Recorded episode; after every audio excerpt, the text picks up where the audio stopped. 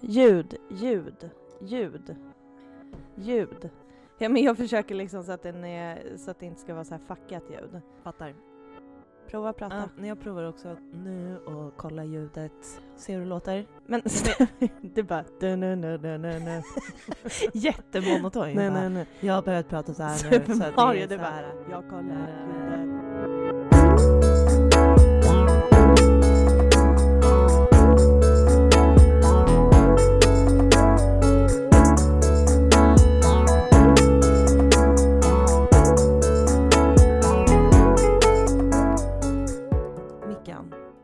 Vad som är en sjuk grej? Nej. Det är att det känns inte som att jag har träffat dig på hela den här veckan. Nej, men du har typ inte det. Nej, det känns så jävla konstigt. Ja. Vad kul att se dig. Ja, detsamma. ja, men jag tänkte säga typ så här, om det var dålig stämning i studion, studion, alltså... Om det var-. Ja. Om det var dålig stämning förra veckan så var det ju väldigt bra stämning nu. Ja, men sånt händer. Ni får se alla sidor av oss. Ja, det tänker jag. Ja. Absolut. Gud, det är verkligen pollen i luften idag. Ja, Och jag är inte ens pollenallergisk. nej. Oh my god. Do I have corona? Nej, jag skojar. Det här är Vem vill prata med en sorgsen? Jag heter Mickan. Och jag heter Steffi. jag vill ta tillbaka det där. Men du kommer väl antagligen behålla det här nu? Varför ska du ta tillbaka det? Ja, skitsamma. What's up? Alltså, vet du vad som är så jäkla skönt? Det är att jag eh, äntligen börjar må lite, lite bättre på den här medicinen. Alltså, ingenting gör mig gladare. Nej. Jag, så här, alltså jag, har också, jag har ju sovit så otroligt bra den här veckan. Mm. Jag bara så, somnar in på typ 10 minuter. Alltså, de senaste veckorna har det tagit mig typ fyra timmar att somna. Va? Ja! Det har jag verkligen inte fattat Men jag har ju att det har varit så illa. Alltså jag sover så jävla dåligt. Att Jo, det tar mig så vet. lång tid att somna in. Jo men fyra timmar, det är ju för fan Mm. halva sovtiden på en Mm. natt. I know, men jag går ju också och lägger mig typ halvtid. Jo men ändå. ja, nej men det har varit katastrof. Och eh, jag tror att eh, en eh, hjälpande faktor är att jag har börjat lösa korsord. Men det tror jag med. Alltså du löser så mycket korsord. Ja, men vet du vad som också är så jävla kul? Nej. Det är ju att eh, jag hängde med pappa i torsdags. Mm. Och då satt med, vi med varsin korsordstidning och löste korsord. och hade en lång diskussion om korsord. Och då kände jag, Wow. jag har blivit pappa. Wow. Ja, men vi visste ju alla att det skulle hända. Ja, Eller så här, du, du kommer ju ta efter honom utseendemässigt på det sjukaste sättet. ja, Personlighetsmässigt däremot så är du mamma. Upp i dagen. ja. Men vi borde lägga upp en bild så att folk förstår hur lik jag är pappa. Den, jag har ju den här äh, bilden från när han var i lumpen. Mm. Där han ser ju ut som jag. Ja. Men vi fick ju se bilder på mamma i veckan också.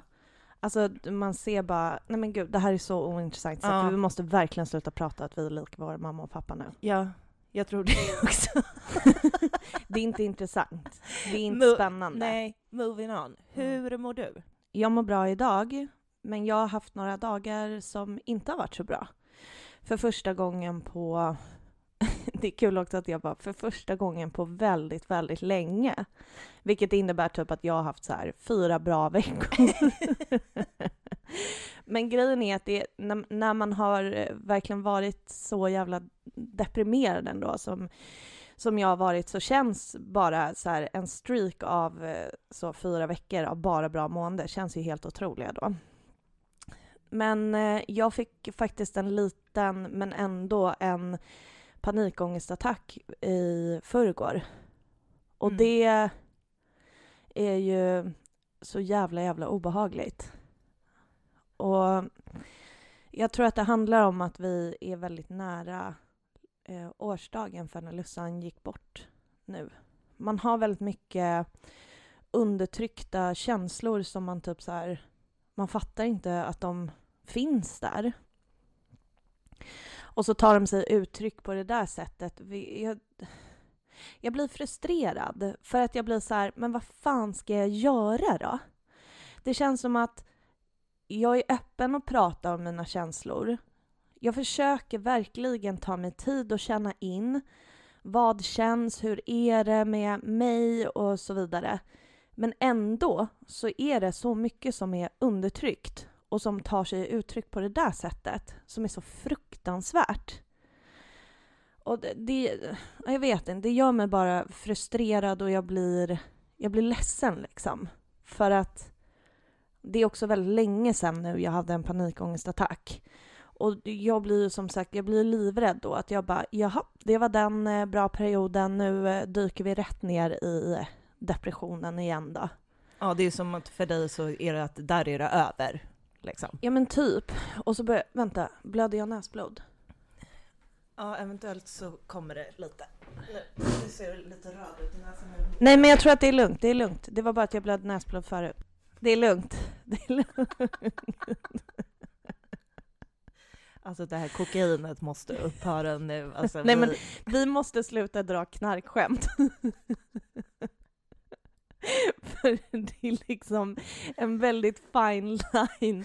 Man måste också förstå att alla inte liksom plockar upp att det är, är skämt Nej. heller. Nej men okej, vi är tydliga. Det där var verkligen ett skämt. Jag är bara en näsblödare. Ja, det have been. En Sen jag- näsblödare. Fan vad äckligt. Men jag är ju det. Det låter vidrigt.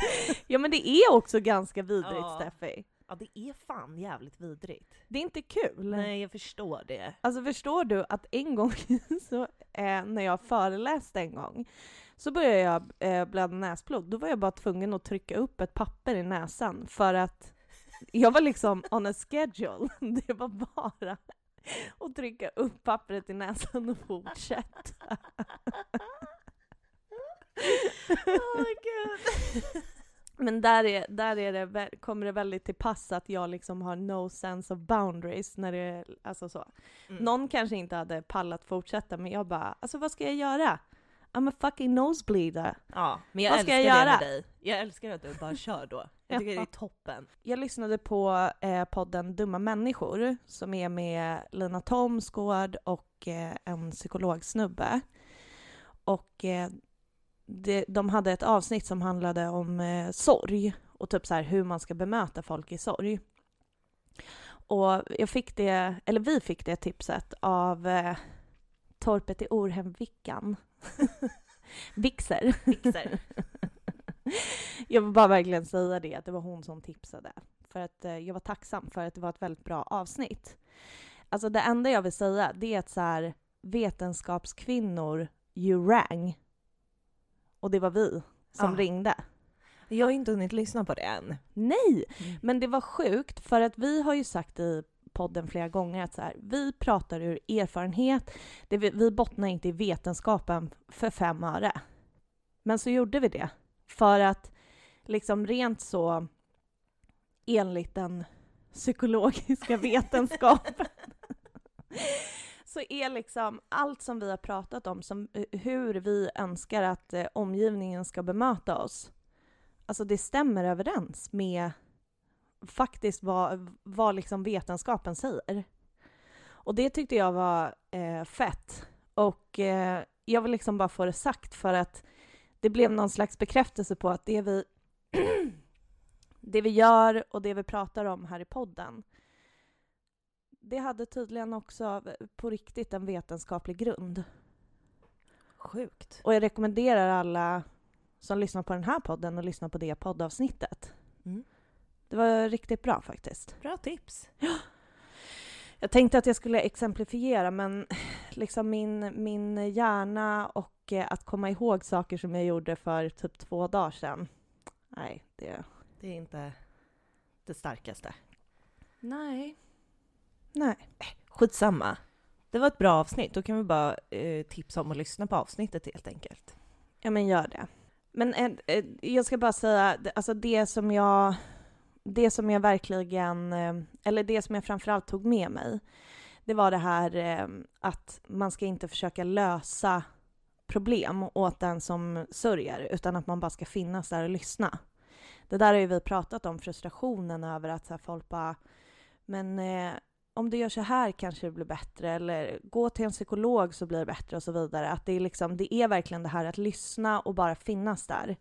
Det är key för att finnas för någon som är i sorg. Mm. Och det har vi pratat om så himla mycket. Och det, det är så man ska göra. Boom!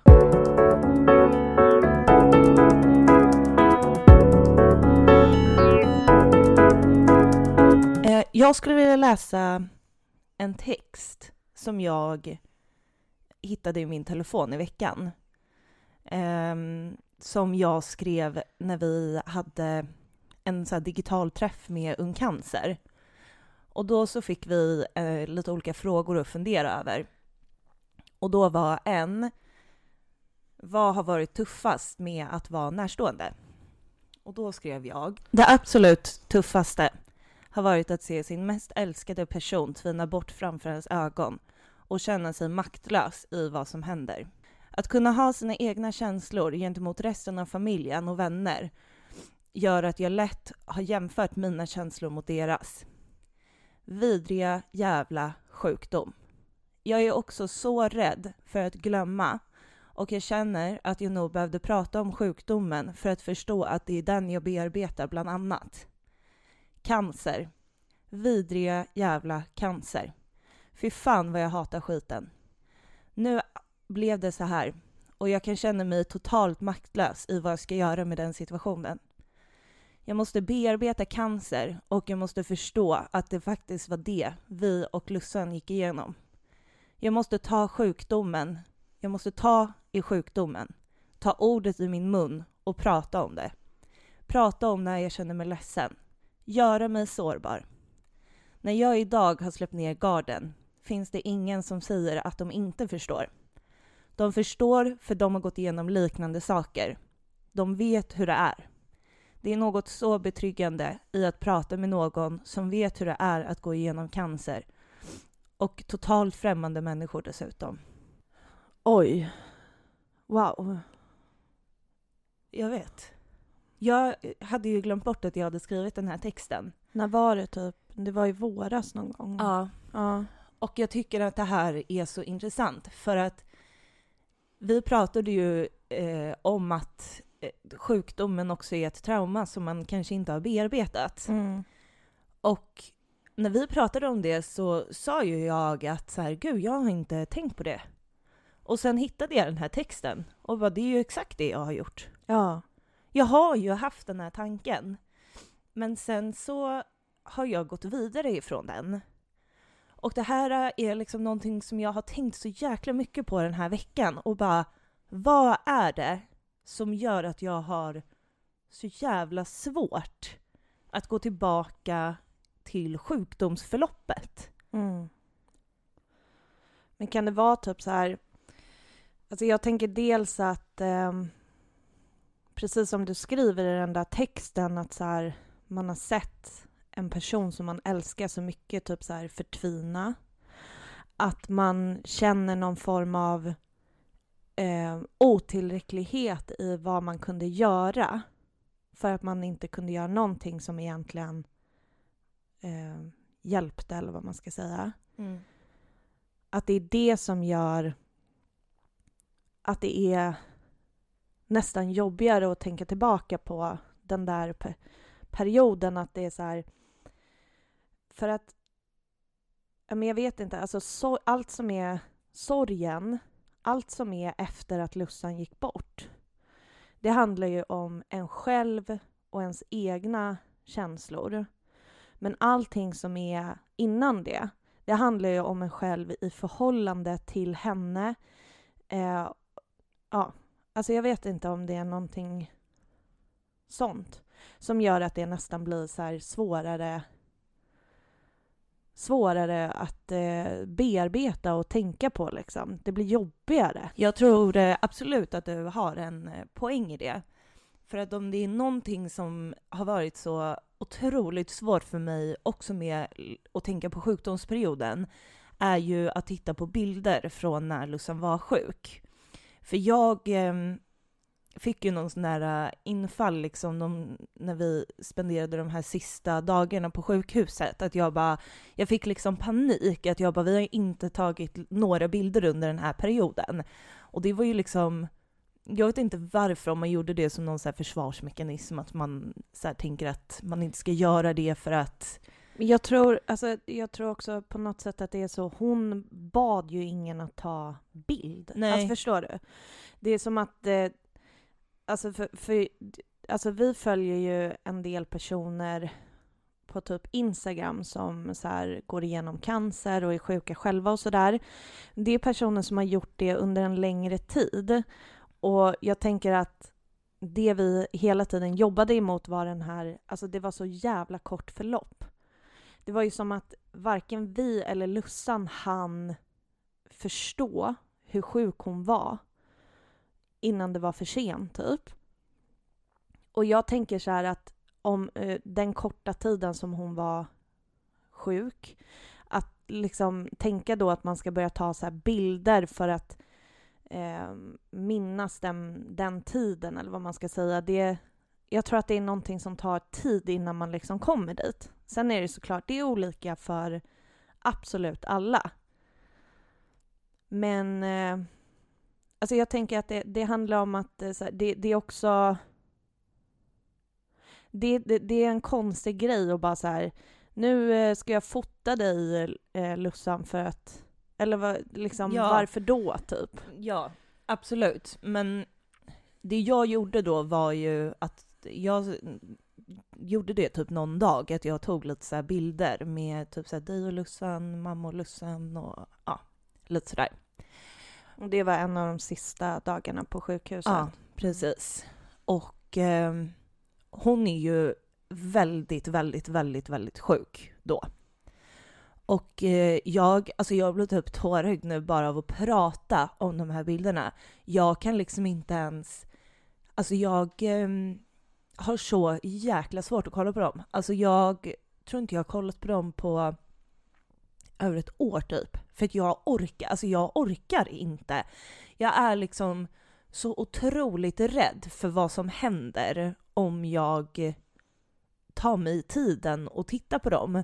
Och ibland liksom sen när jag scrollar igenom alltså mina bilder när jag ska liksom gå tillbaka så är det liksom som att jag vet när de kommer. Mm. Så jag bara scrollar jättesnabbt för att jag säger jag bara nej jag kan inte, jag kan inte titta på det här. Det är liksom, det, det är ett sånt motstånd i mig att gå tillbaka till den här tiden. Men det är ju för, jag tänker att det är liksom för att det där, det är inte bara en bild. Det är en, du går tillbaka till en hel känsla liksom att titta på de bilderna som är, alltså det sjukhusrummet där hon faktiskt tog sina sista andetag. Titta på hur hon såg ut. Alltså det, det kommer ju såklart tillbaka massa, liksom hur det kändes. Hur det kändes. Man slungas tillbaka in i att vara på sjukhuset och det kommer in ett gäng läkare och berättar att det inte finns någonting mer de kan göra. Det handlar om alltså, att man, man minns inte bara henne, man minns mamma och pappa och hur, hur det var med dem. Man minns Anton och hur det var med honom. Vi minns varandra. Och det är, jag tror att det är det som är grejen, att de där bilderna utöver att de är jobbiga att titta på för att hon är så sjuk så är det inte bara en bild. Det är hela den som vi brukar referera till som sista veckan i familjen. Liksom. Mm. Och den veckan var helt fruktansvärd. Alltså, vi hade ju varit hela familjen i Göteborg över påsk. Och eh, eftersom vi hade det här rullande schemat att ja, men vi åkte mellan Stockholm och Göteborg så var det så efter påsken att mamma stannade kvar i Göteborg och du och jag och pappa åkte hem. Och vi hann ju vara hemma i typ 24 timmar. Mm. Och det är så sjukt, för det där eh, kommer jag ihåg väldigt, väldigt väl. Att så här, jag var på kontoret och så satt jag och käkade lunch här med några kollegor och pratade om påsken liksom och att det var så här, ja, ah, det är jättejobbigt nu för att hon är väldigt sjuk men nu har de börjat på den här nya immunterapin och liksom satt och pratade om den och hur bra den skulle vara och nu har vi fått nytt hopp. Och så kommer jag ihåg att jag visade en bild på Lussan från hennes 25-årsdag där hon sitter och verkligen så här, eh, skrattar högt och är så jävla glad liksom. Och så visar jag den för dem och var så här, det här är målbilden, det här är det vi ska tillbaka till. Och sen så ska jag eh, gå från kontoret och så står jag liksom och pratar med en kollega. Vi, vi pratar typ om att vi ska färga håret och sen gå ut och dricka vin. Alltså jag, vi skulle göra oss vårpiffiga och gå ut och dricka vin. No. Och sen så när jag går ut från kontoret så ringer jag till mamma för att bara checka av. Hur går det där nere? Hur är läget? Och du vet, hon svarar och bara hallå? Och jag bara vad? Eh, nej Mickan, jag eh, tror inte att det här går. Ni måste komma ner nu. Då har liksom, på de här 24 timmarna, har det blivit så mycket sämre att hon har behövt åka in, Lussan alltså, till sjukhuset. Mamma har fått höra från en läkare helt ensam när hon är där att det inte finns något mer de kan göra. Och då sa de också till mamma att hon, de inte trodde att hon skulle överleva den dagen. Eh, så, så säger jag okej, okay, vi kommer. Jag ringer till dig, mamma ringer till pappa, jag bokar tågbiljetter till oss och vi bara ruschar ner liksom till Göteborg. Och vi sitter knäpptysta på den där tågresan. Ingen säger något. Det är inte som att vi sitter och typ läser en bok eller kollar i telefonen. Jag sitter och stirrar ut genom fönstret och är livrädd för att vi inte ska hinna fram. Mm. Och till saken hör ju att när farmor dog, då bodde ju jag i Göteborg. Då fick jag liksom ett liknande samtal att det var så här, nu är det dags att komma till Stockholm och jag bara okej, okay, satte mig på ett tåg. Och hon dog faktiskt när jag satt på tåget mellan Göteborg och Stockholm. Mm. Så för mig var det typ så här när jag satt där, jag bara fan inte igen, inte igen liksom. Och jag kommer också ihåg att jag satt och tänkte om och om igen. När jag åker på det här tåget ner till Göteborg så har jag två systrar. När jag sitter på det här tåget hem, då kommer inte jag ha det längre. Nej. Och det var... Jag vet inte. Det snurrade runt i mitt huvud om och om igen. När du sitter här nu så har du två systrar. När du gör det nästa gång så kommer du inte ha det längre. Och det var så jävla... Ja, jag vet inte. Det var bara någonting, det snurrade runt, runt i huvudet på mig. Vi åkte ju till sjukhuset och faktum är att så här, hon, hon tog sig igenom den dagen. Ja. Och tio dagar till ja. efter det. För att hon hade sån jävla willpower, alltså där på slutet ändå. Hon var helt otrolig. Hon ville såklart inte dö. Nej. För att hon var levnadsglad och hon var 25 år ung. Mm. Men hon tog sig igenom liksom tio dagar efter att den där läkaren bara, hon kommer nog inte klara ens dagen ut. Tio dagar fick vi ändå mm. efter det. Och fy fan vad tacksam jag är för den tiden ändå. Alltså det är det som är, det är det som är så fuckat med hela den här situationen, att det är liksom tio av de värsta dagarna i ens liv. Men det är också tio dagar som jag är mest tacksam över i mitt liv. Ja, jag, vet, jag, alltså jag håller verkligen med om det och det, jag håller med om att det är en jätte, jättemärklig känsla. Mm. För det är egentligen ingenting bra som hände under de där dagarna. Nej. Utan det enda som hände var att hon blev sämre och sämre. Vi fick bara jobbigt besked på jobbigt besked.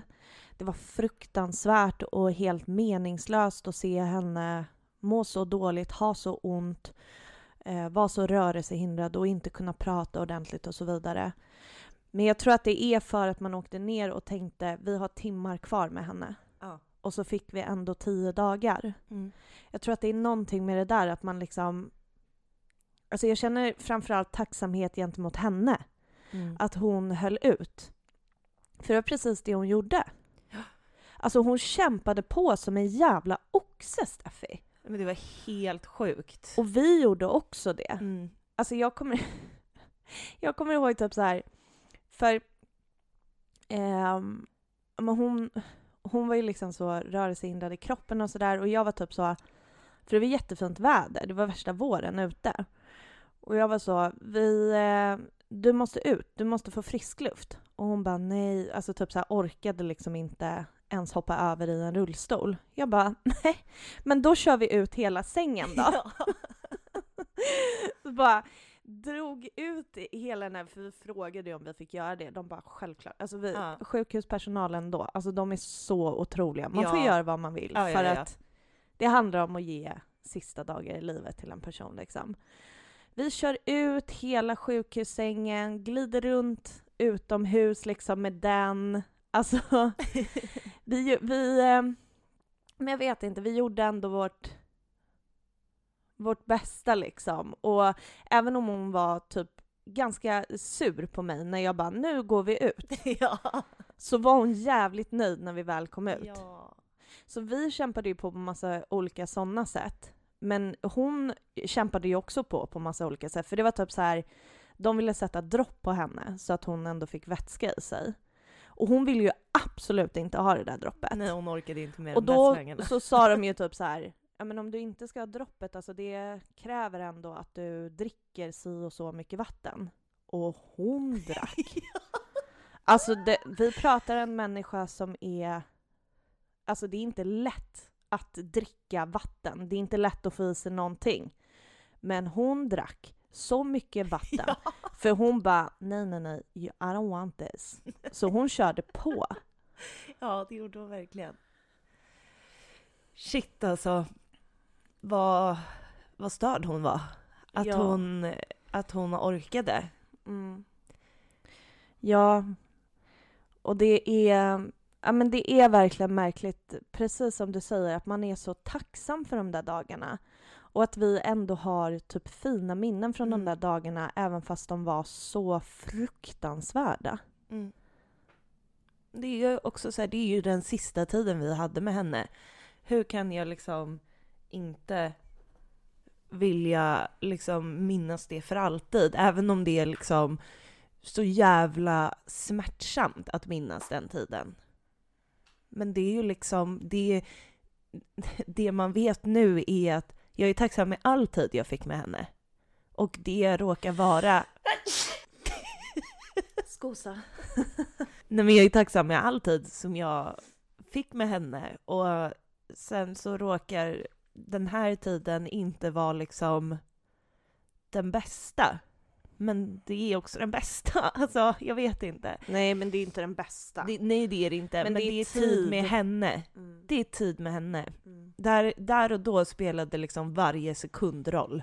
Ja, men Man var precis. tacksam för allt man fick. Mm. Och grejen är att det som, det som jag känner, det man tittar tillbaka på och liksom minns ändå med värme, det är ju när man fick de här små glimtarna av henne liksom. När hon lyckades, för det här är också det som är så stört. Att hon liksom drog massa skämt. Alltså, för, förstå att hon, hon kunde inte nästan sätta ihop en hel mening. Men hon är ändå så att hon ska dra sina skämt Ja. när hon väl så... Alltså eh, till exempel så pratar vi, eh, men Steffi berättar en historia om när hon snubblade. Och typ så här, ja, bla bla bla, gick och snubblade, la la la. Och du vet så här, det går en ganska lång paus. Sen så hör man Lussan bara blindstyre match. alltså, ändå prioritize och dra de här jävligt liksom dissiga skämten. Och det där gjorde hon eh, mot mig också någon gång när jag typ så här, ja men jag vet inte vad jag gjorde. Alltså jag satt väl typ i hennes säng eller någonting och så var hon typ så här, kan du gå och sätta dig där borta istället? Eller liksom pekade lite så och jag bara okej. Och hon bara, kränkt eller? Alltså, så jävla bitchy in i det sista.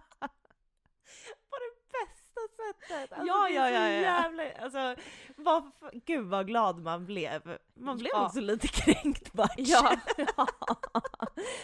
Men alltså det är de där sakerna, de där sista glimtarna man fick av henne och den personen hon var på riktigt. Alltså man, man kommer ju aldrig glömma de där små kommentarerna för att de var så jävla liksom hon. Mm. Och typ när vi sitter i eh, sjukhusrummet, hela familjen och så här, vi spelade frågesportspel. Och du svarar fel på fråga efter fråga liksom. Och Lussan är alltså mellan sov och vaken hela tiden och sen så, så här från ingenstans för att du var så jävla kränkt över att du aldrig fick poäng. Ja. Så bara, men ge Steffi en poäng nu bara. Du vet. Hon bara, jag orkar inte höra det här längre. Nej. Ge henne bara en poängjävel. Åh, fan vad jag saknar henne alltså. Alltså det är... Nej, det är på det grövsta sättet. Mm.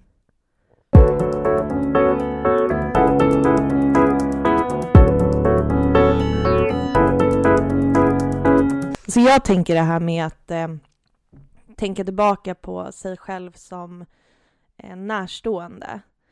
Att man måste nästan behandla det som en, som en egen grej, typ.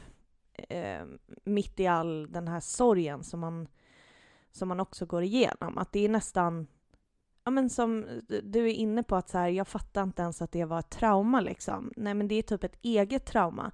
Att ha eh, behövt gå runt och känna sig så dålig och otillräcklig. Och att också se en person man älskar må så jävla dåligt. Vi har en podcast om sorg. Och det är verkligen det vi har pratat om. Och det har liksom lett oss till att förstå att hela det här är någonting eget som vi också måste prata om. Sen så tänker jag så här, jag har typ inte så samma behov eh, personligen av att kanske sitta med alla möjliga människor och typ så här, ja gud, det där eh, kände jag så mycket när jag var närstående liksom. Men precis som du skrev i din text, att prata med andra närstående, alltså vilken styrka det finns i det. Mm. Det är så himla viktigt att få göra det. Mm. Ja, men för vad jag också tänker på är att så här, nu var det ju att vi gick igenom den här sjukdomen och sen så gick Lussan bort. Men det finns ju också massa som går igenom den här sjukdomen och som sen blir friska. Men bara för att de blir friska så betyder ju inte det att man liksom inte har det där att bearbeta. Och det, det här blev någonting konstigt i mig för att så här, då för oss där det går liksom dåligt, då är, det, då är det sorgen, det är döden man hanterar. Och blir man frisk, då ska man typ vara tacksam för att man har blivit frisk och man ska vara den gladaste människan i världen för att det här äntligen är över. Men det är ju jättemycket, alltså det är ju liksom allt det där andra försvinner ju inte. Nej men verkligen. Åt Och här- vilket håll den går liksom. Ja, men och här upplever jag kanske att eh, eh, alltså den personen som har varit eh, sjuk, alltså nu tar jag bara liksom det som är, jag vet inte det här till 100% men det känns som, alltså när vi har eh, ja, men så varit med Ung Cancer och så, så finns det väldigt mycket stöd för personer som har varit sjuka och sen så blivit friskförklarade. Att man pratar liksom om något som de kallar för cancerbaksmällan, liksom att bara för att man har blivit friskförklarad så kan man fortfarande gå runt med känslan av att så här, tänk om Eh, sjukdomen kommer tillbaka. Man kan faktiskt ha en massa fysiska men i kroppen av att alltså man är inte fullt fungerande liksom, bara för att man blir friskförklarad från cancersjukdomen. Och eh, sen så vet jag att de har tagit upp så cancerbaksmällan eh, för närstående, men då har det nästan varit så här, som jag har förstått det i alla fall, om personen går bort. Och jag vill liksom verkligen reservera för att jag kanske har fel i det. Men jag har nog inte sett så mycket så. Vad, vad, eh, vad med att vara närstående och att den sjuka blir frisk? Precis som du säger, man sitter fortfarande kvar på allt man har sett, all otillräcklighet man har känt, allt det där, det finns ju kvar. Vad fan gör man med det liksom? Mm. Nej, och Makes you think. Ja, men det gör faktiskt det. Och det är det, alltså så här, vi måste ju också såklart ha haft den där cancerbaksmällan. Ja. Alltså, men, men jag, jag, jag känner inte att jag har reflekterat så mycket över det. Nej, men jag tror att eh, man har det på vissa sätt ändå. Inte reflekterat, men man är ärrad liksom. Att, eh, alltså när vi pratar till exempel om att man har katastroftankar och att man får panik ifall någon har ringt, alltså man har två missade samtal på telefonen och sådär. Allt det tänker jag är den Mm. cancerbaksmällan. Ja. Att ja, man, man, man har så jävla nära till att tänka det värsta. Ja, men och det här leder också, det här leder in mig på en annan sak som jag också har tänkt jättemycket på. Eh, som jag eh, säkert också tror är en del av den här uh, cancerbaksmällan, om man ska prata om den. Att när vi gick igenom sjukdomsperioden, som faktiskt var extremt kort, så eh, fick ju vi, vi gick ju alltid och väntade på ett besked. Och många gånger, eller liksom i nästan alla fall, så fick ju vi inte besked. Det var liksom att de inte visste, eller att det var någonting annat än vad de hade trott, eller att det hade gått sämre än vad de hade tänkt. Alltså det var liksom aldrig någonting konkret som vi kunde hantera. Nej. Och det här, det här har liksom dykt upp i mig nu. För att jag började fundera så här, okej, men vad, vad har det här gjort med mig idag? Att, alltså det, det måste ju ha gjort någonting med mig. Mm. Att, att man liksom hade den där tiden av att bara vänta och aldrig få besked. Att man Mm. är liksom kanske mer stressad i en sån situation idag. Men att inte riktigt eh, veta saker, det är liksom betingat för oss som att det då leder till det absolut värsta tänkbara. Exakt. Och det är på något sätt som att så här, jag behöver, jag behöver sån jävla tydlighet i allt, i alla delar i mitt liv, för att annars så blir jag skitstressad. Och jag har varit, jag har inte riktigt varit så alltid liksom. Att eh, jag, jag har varit ganska fin med att inte veta riktigt hur, hur saker ska vara och liksom, herregud, alltså jag har haft så här, ja men om man tänker i livet, typ så här korta anställningar, jag har bott lite andra hand. Det har liksom aldrig stressat mig sådana där saker, utan jag tänker alltid så här, men det löser sig. Men efter det här så är otydlighet, alltså det är själadödande. Alltså man blir helt stressad av det liksom. Mm. Och det här, det här tror jag, alltså nu när vi pratar om det nu, jag tror att det här har, eh, om man ska, ska så knyta tillbaka till när vi pratade om att ta vara på livet, och eh, jag pratade om min självkänsla och alla de här sakerna som jag inte eh, så här, kan ta tag i, som jag kanske vill göra. Jag tror att det här kan vara en del av det. Kan du förklara lite Att- du menar? Ja, jag ska förklara, försöka förklara. Men att, ehm, att det är någonting som är otydligt, odefinierat. Jag vet inte vad det ska leda. Jag har Vad? inte all information. Om jag ska ta liksom ett annat steg i livet till exempel. Ja, ja, ja. Och att den ovissheten lockar inte mig. Den skrämmer mig Mm. jättemycket. Och jag tror att det delvis har med massa saker som har med min självkänsla att göra. Men jag tror också att det här är en del av det. Ja, verkligen. Att saker har varit så eh, skakiga att det är skönt att veta att man har några tryggheter. Typ. Exakt. Mm. Alltså jag, det är som att man... Alltså gud, det är som att jag får så mycket liksom... Ja, men epiphanies. att man är typ trygg, man har blivit en trygghetsknarkare. Mm. Alltså det är liksom... Nej men gud, ja. Det är helt sjukt när jag tänker på det. Ja. Men det är klart att det, är klart att det, det har... Man behöver tydlighet och trygghet. Ja, det För är, att traumat är att man absolut inte har haft det. exakt. Och det är också kul att jag innan sa att det här var en punkt jag ville prata om. Ja. Så här, ja men... Eh, att alltid vänta på besked och så här, vad har, har det gjort någonting med, med mig idag? Och Mm. du bara, nej, klart det har. Som, alltså så här, vad tror du att du kommer komma fram till? Jag bara, ja det är klart att det har liksom. Ja. Och nu bara kom det fram jättemycket saker. ja, det är det här som har, som har hänt med dig liksom. Ja! Fan vad sjukt. Alltså jag, jag får lika mycket insikt som du. Ja, Det är otroligt. fan vad sjukt. Psykologerna, Ja. vetenskapskvinnorna. Men det händer så mycket i den här podden alltid. Ja, det är, det är helt otroligt. stört. Jag lär så mycket om mig själv. Ja, otroligt. Ja.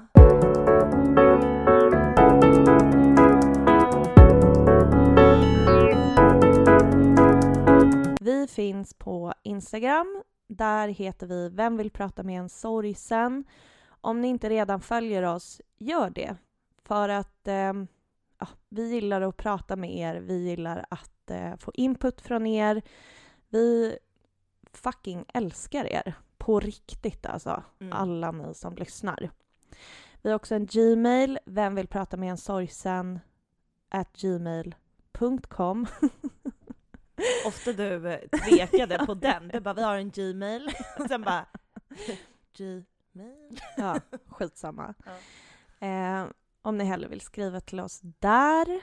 Eh, kan också säga att vi gästade Kakan Hermanssons podd Under huden. Det avsnittet finns ute nu om ni inte kan få nog av oss och vill lyssna på våra röster mer. Det blev ett väldigt fint avsnitt. Jättebra avsnitt. Ja. Jag är jättenöjd med det. Nu tycker jag vi skålar för Lussan Mm. och ger oss ut i vårsolen. Skål för Lussan! Skål för Lussan!